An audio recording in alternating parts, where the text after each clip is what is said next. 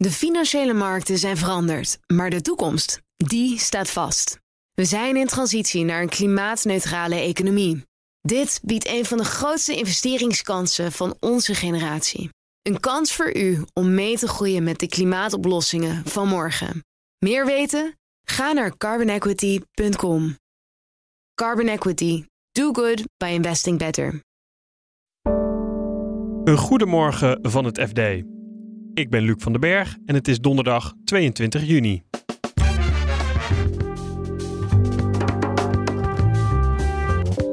Na de deal met ASR kijken Egon-beleggers hoopvol naar de topman. Ze rekenen erop dat ze een groot gedeelte van die, eh, van die verkoopsopbrengsten in hun eigen zak kunnen steken, die beleggers. Maar eigenlijk uh, rekenen beleggers nog wel op meer. Problemen in een Indiase medicijnfabriek zorgen voor onrust in Amerika. Nou, in de Verenigde Staten is dit een enorme kwestie aan het worden. Want het betekent inderdaad dat er tekort is aan chemokuren, bepaalde chemokuren, maar veel gebruikte chemokuren. En basketbalcompetitie NBA is een goedlopende geldmachine. Dan gaan die clubs gemiddeld 250 tot 300 miljoen per jaar overhouden aan alleen al de tv-rechten. Ja, dat laat wel zien. Dat zijn echt bedragen waar, uh, waar ze in uh, Europa heel jaloers van worden. Dit is de dagkoers van het FD. Topman Lart Vriezen heeft Egon populair gemaakt bij aandeelhouders. Vandaag houdt het bedrijf een strategiedag voor beleggers. En Zuidas-redacteur Edwin van der Schoot legt uit waarom dit een historische versie lijkt te worden. Nou, de beleggers van Egon die hopen, en, en niet alleen de beleggers, hè, ook, ook werknemers bijvoorbeeld, maar die hopen vandaag een antwoord te krijgen eigenlijk op de vraag: uh, wat gaat Egon in de toekomst voor bedrijf zijn? Uh, en dat soort vragen worden altijd wel uh, periodiek beantwoord op, op dit soort strategiebijeenkomsten. Alleen deze keer is bij Egon wel, wel heel bijzonder. Want zoals de luisteraar zich misschien herinneren, heeft Egon in oktober 2022 een deal gesloten met, met ASR om eigenlijk zijn hele Nederlandse verzekeringsbedrijf te verkopen. En Egon is van origine een hele oude Nederlandse verzekeraar, of eigenlijk het fusieresultaat van een aantal Nederlandse verzekeraars. Maar heeft hiermee eigenlijk zijn Nederlandse historische wortels aan ASR verkocht. Nou, die transactie die zal één deze dagen definitief afgerond worden. Ja, dus als je dan een aandeel in het beursgenoteerde bedrijf Egon hebt, waar niet meer die Nederlandse historische wortels in zitten, ja, wat is Egon dan nog? Wat gaat topman Lart Vriezen doen met de opbrengst van het deel wat hij verkoopt aan, e ASR? Ja, nou dat, dat, is, dat is wat, uh, wat, uh, wat beleggers uh, natuurlijk graag willen weten. ASR heeft 4,9 miljard euro op tafel gelegd voor Egon Nederland. dat is voor de helft in aandelen betaald, voor de helft in cash. Ze, ze rekenen erop dat ze een groot gedeelte van die, van die verkoopsopbrengsten in hun eigen zak kunnen steken, die beleggers. In ieder geval anderhalf miljard, dat heeft Egon ook al toegezegd, in de vorm van een inkoopprogramma voor eigen aandelen. Maar eigenlijk uh, rekenen beleggers nog wel op meer. Bijvoorbeeld op een dividendverhoging of een superdividend. En je ziet dus ook de beurskoers van Egon de afgelopen paar weken flink oplopen. Uh, in vergelijking met andere beursgenoteerde verzekeraars. Aan de andere kant willen beleggers graag duidelijkheid hebben over uh, ja, wat, wat gaat Friese doen met het geld wat hij niet aan, aan aandeelhouders uitkeert. En wat wordt de strategische koers? En de verwachting is dat we dus een, een, eh, een plan zullen zien wat, ze, wat eh, vooral zal draaien om het doen van investeringen die over een periode van drie, vier jaar in met name de Verenigde Staten uh, voor extra groei en rendement moeten zorgen. Ja, en gaat het, gaat het zich dan ook vooral richten op Amerika of ook nog wel op andere delen in de wereld? Nou, Egon heeft, eh, is, zit in meerdere landen, zit ook groot in Brazilië, in China, in bijvoorbeeld Spanje Portugal. In Groot-Brittannië zijn ze ook nog actief. Maar sinds Egon in 1999 alweer, toen de grootste buitenlandse overname ooit door een Nederlands bedrijf deed en Transamerica kocht, eh, is eigenlijk twee derde van de omzet van Egon is in de Verenigde Staten. Het is natuurlijk gewoon nog altijd de grootste markt, ook voor verzekeringen. En met het wegvallen van Nederland, wat dus verkocht is aan ASR, wordt die, um, die Amerikaanse markt alleen maar dominanter binnen het portfolio van Egon.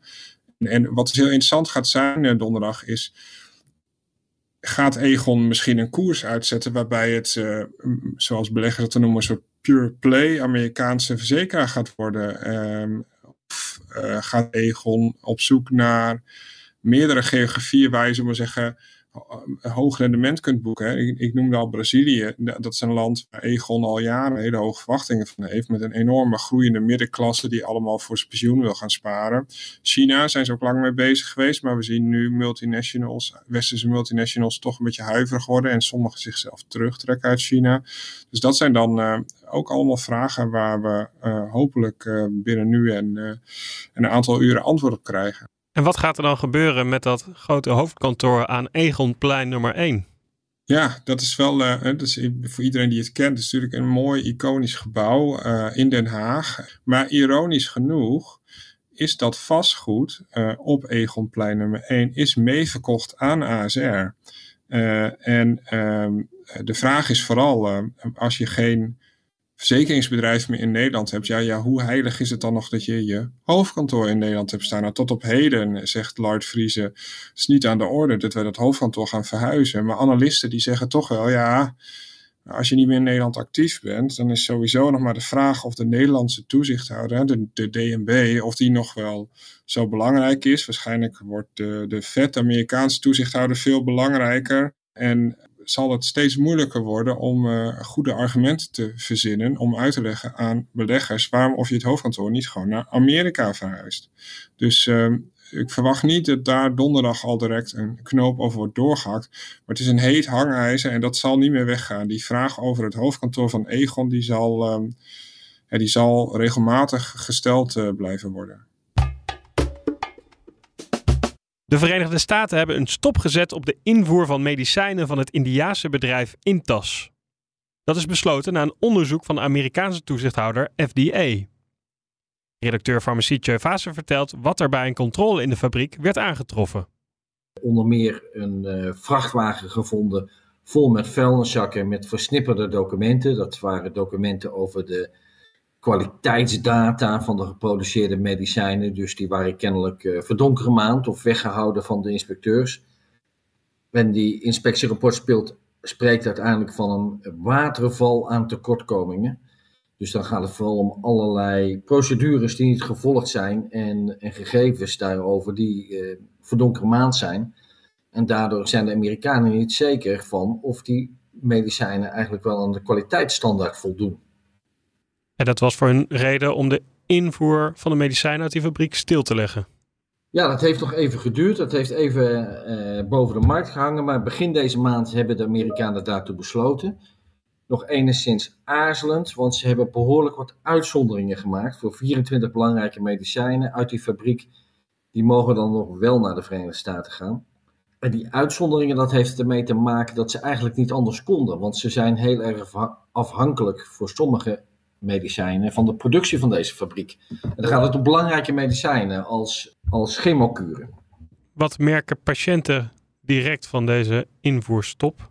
Nou, in de Verenigde Staten is dit een enorme kwestie aan het worden. Want het betekent inderdaad dat er tekort is aan chemokuren, bepaalde chemokuren, maar veel gebruikte chemokuren. Uh, dus ziekenhuizen slaan in heel Verenigde Staten alarm dat ze te weinig hebben uh, om de patiënten goed te kunnen doseren. En in sommige gevallen moeten ze ook overgaan op andere behandelingen die mogelijk minder effectief zijn. Dit onderzoek is dus door de FDA gedaan in Amerika. Hoe kijkt Nederland of Europa dan naar dit onderzoek? Ja, dat is een goede vraag. Uh, voorlopig zijn ze nog in overleg. Ik begrijp dat de EMA, dus de Europese toezichthouder, recent een inspectiebezoek gebracht heeft aan diezelfde fabriek dat er daar toen geen grote tekortkomingen zijn geconstateerd. Tegelijkertijd zeggen het CBG en de IGJ, dus het College ter Beoordeling van Geneesmiddelen en de Inspectie in Nederland, zeggen wel dat ze toch in overleg zijn met Europese collega's om te zien wat dit nu voor Europa betekent. Voorlopig zijn in ieder geval alle medicijnen van Intas in, uh, in Nederland en Europa gewoon op de markt. Ja, dit onderzoek werd gedaan bij één fabriek van Intas, maar ja, zij hebben meer fabrieken in India? Ja, het laatste nieuws is van het persbureau Bloomberg. Die meldt dat de Amerikanen in een tweede fabriek van Intas vergelijkbare problemen, op vergelijkbare problemen zijn gestuurd. Uh, ook allerlei aanwijzingen dat er mogelijk sprake zou kunnen zijn voor van bacteriële besmetting van medicijnen. dat die zijn genegeerd of ondervoldoende is op geacteerd door, door het bedrijf. Dat rapport is nog niet gepubliceerd, maar, maar Bloomberg citeert er al wel uit. Dus dat is natuurlijk wel verontrustend, want dat zou kunnen betekenen dat ja, die, die onbehoorlijke praktijken dat die breder zijn dan die ene fabriek, als er ook al in een tweede fabriek misstanden zijn vastgesteld. En dat kan dan leiden tot nog meer tekorten aan medicijnen. Nou ja, en, en natuurlijk twijfel of de medicijnen die door dit bedrijf geleverd worden, of die wel van voldoende kwaliteit zijn. En, en Intas is ook in Nederland een belangrijke leverancier. Het dochterbedrijf heet Accord. En Accord levert ook in Nederland behoorlijk wat uh, chemokuren. En levert ook behoorlijk wat van de medicijnen, bloeddrukverlagers bijvoorbeeld, die, ja, die, uh, die veel mensen, veel Nederlandse patiënten gewoon bij hun eigen apotheek afhalen. Dus het is, het is best een belangrijk bedrijf, ook voor Nederland.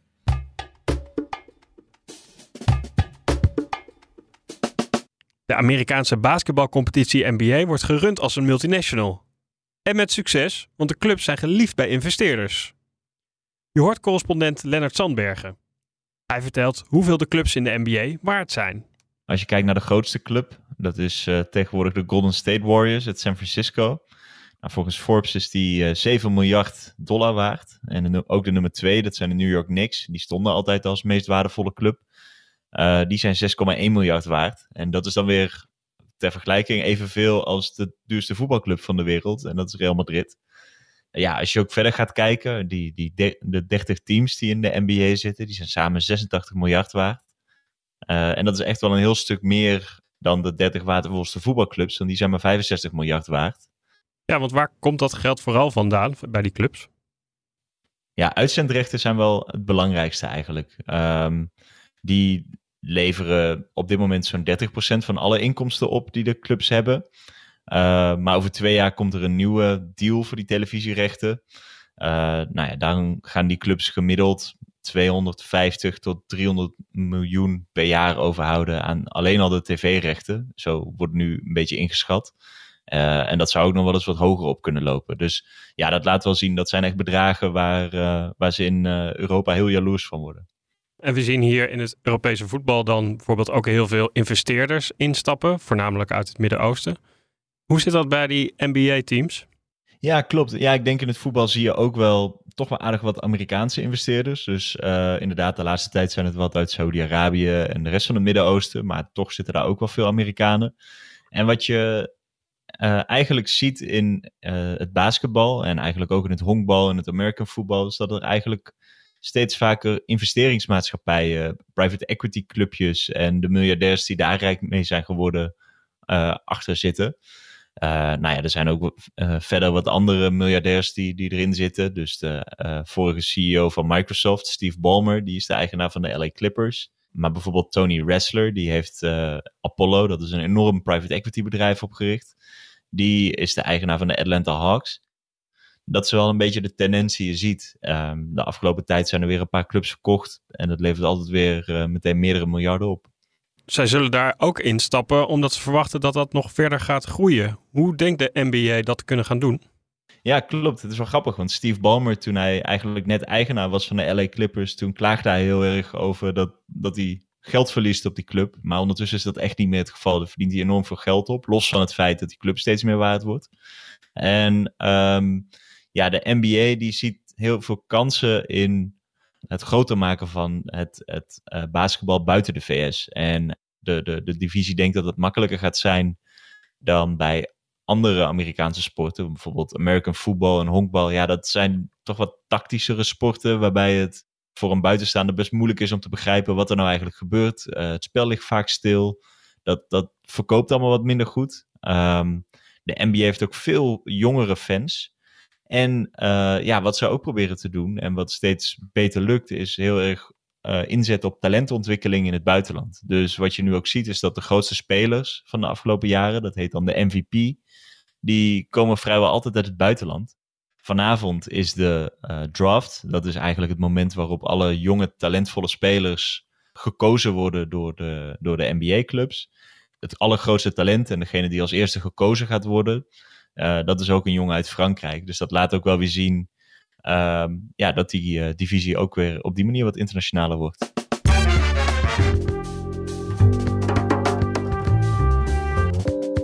Dit was de dagkoers van het FD. Morgen zijn we er weer met een nieuwe aflevering. En ondertussen lees je het laatste financieel-economische nieuws in onze app. Voor nu een hele fijne dag en graag tot morgen.